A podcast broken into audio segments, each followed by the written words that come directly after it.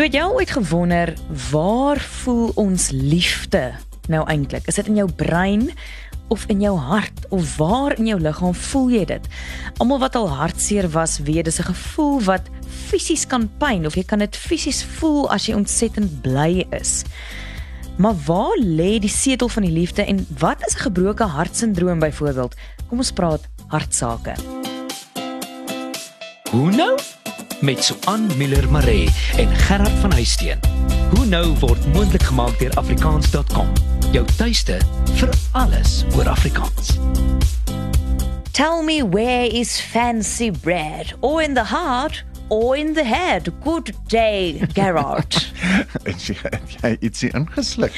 ja, ek het nie my pilletjies gedrink vanoggend nie, maar net soos Merchant of Venice het ek al gewonder hulle het al in Shakespeare se tyd gewonder, waar lê die gevoel van liefde in jou hart of in jou kop? Ek kon nou nie daai aanhaling in Afrikaans opspoor nie. Wat is dit? The Merchant of Venice is al 3 keer in Afrikaans vertaal. Ah, ja. uh deur DF Malherbe, deur Prof Anna Netlingpool en uh so onlangs soos 1991 deur Charles Potgieter. Ja. Uh ek kon dit ook uh, helaas nie digitaal opspoor nie. So nee.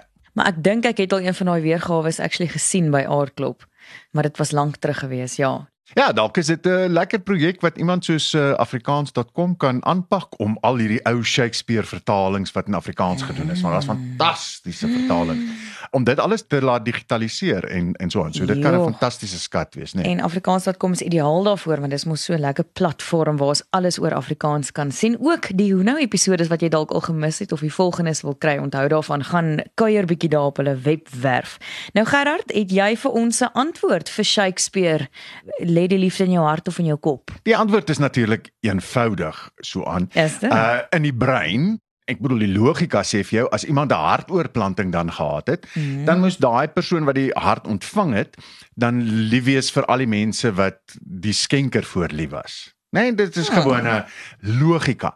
Die neurowetenskappe het dus al vir ons aangetoon dat liefde gaan oor baie komplekse breinprosesse, nê? Goed wat verband hou met erkenning, met doelgerigte motivering, met beloning en veral ook met selfbeeld.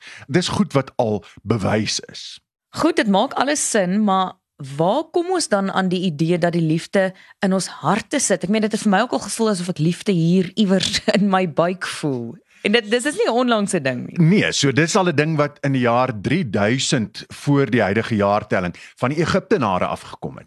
Net die hart was vir hulle die setel van die denke, van geheue, van jou wil, van emosies, van alles. Nie net van emosies nie, van al hierdie ander goeders. So uh, hulle het byvoorbeeld die farao's begrawe sonder hulle breine, oh. né? Maar met die hart en met die maag en met hulle ingewande, want dit was die belangrike deel van die liggaam gewees. So vir hulle was hulle hart hulle brein. Absoluut. Dit was die setel van al hierdie goed van jou denke en alles. Nou die Grieke in spesifiek Hippokrates, uh, tussen hierso 500 daar rond voor Christus, 300 400 voor Christus, al bevind dat dit nie waar is nie maar dat die emosies in die brein gesetel is. Maar hierdie hele debat was eintlik 'n ding wat dan vir baie jare daarna voortgeduur het. Mm. En dis eers in 2000 wat ons regtig egtig bewyse gekry het, neurologiese bewyse gekry het dat die liefde in die brein gesetel is, nê. Nee. So hulle het 'n studie gedoen wat in die tydskrif Clinical Trials gepubliseer is met die titel The Neural Basis of Romantic Love. En dit was eintlik toe die eerste studie wat in so onlangs soos 2000 gepubliseer is. Toe kon hulle eers begin sien waar al hierdie neurologiese prosesse wat ek net nou van gepraat het, waar dit lê en waar dit plaasvind. Joh, dis baie interessant. Wat van iets soos gebroke hartsindroom? Jy het al gehoor van mense wat dood is aan gebroke hartsindroom. Is dit 'n illusie wat jy het of is dit is jou hart fisies seer dan? So dit staan gebroke hartsindroom se se mooi naam is streskardiomiopatie Sjoe. of ook Takotsubo kardiomiopatie. Ja, nee, en ek sou eers... ietsie kry as ek daai moes. Dis in die 1990s is dit deur 'n span Japaneese dokters gediagnoseer en omskryf en so aan en dit is regtig 'n siekte toestand. So dis nie net sommer iets wat o, oh, ek voel vandag 'n bietjie hartseer en so aan nie. Nee nee nee, dis 'n siekte toestand want dis 'n miopatie, nee 'n kardiomiopatie. Dis van die hart spier siekte, nê. Nee, dis nie sommer net iets wat jy as jy nou bietjie hartseer is, dan het jy nou hierdie stres kardiomiopatie nie. Nee, dis regtig 'n siekte toestand wat by jou gediagnoseer moet word. En ons kry dit dikwels by mense wat onder langdurige stres, onder langdurige lyding kan hierdie siekte opdoen. Dit sou interessant wees om te sien wat is die invloed van 'n mens se emosies en dan iets so sê nou maar die wisselwerking tussen jou liggaam, jou siel en jou gees op 'n toestand soos gebroke hartsindroom of stres want ons weet dit het alles iets met mekaar te doen maar daar's definitief lewe binne in ons um, wat hierdie emosies fisies kan laat vergestel. Baie interessante onderwerp. Ons gesels net nie nou verder oor die hart en die liefde. Afrikaans is so lekker soos koeksisters, braaibroodjies en kondensmelk koffie. Dit is jou taal. Dit is wie jy is en hoe jy leef. Daarom nooi ons jou. Kom skryf saam aan die toekoms van Afrikaans. Vir gratis leerhulp, taalnuus, vermaak, speletjies en meer. Besoek www.afrikaans.com en volg ons op sosiale media. Koop dit, lees dit, praat dit, leef dit. afrikaans.com. Jou tuiste vir alles oor Afrikaans. Jy luister na Hoe nou met Gerard en Swan en Swan en Swan. Ons gesels vandag hartsake en ons het nou vasgestel dat baie neurowetenskaplikes vasgestel het dat die gevoel van hartseer of vreugde meestal in jou brein lê. Ek glo dit lê wel tog ook nog in jou siel en in jou gees en dat dit fisies kan vergestalt in iets so sê nou maar gebroke hartsindroom. Dit is nog steeds 'n voortsleepende debat wat so ver teruggaan soos die Egiptenare wat geglo het jou brein lê in jou hart. Hulle het nou weer aan die ander kant afgeval. Ek dink hulle was bietjie van loetjie getik of die klits kwyt. Jy weet, hulle het maar vreemde goeters gedoen soos in melk gebad.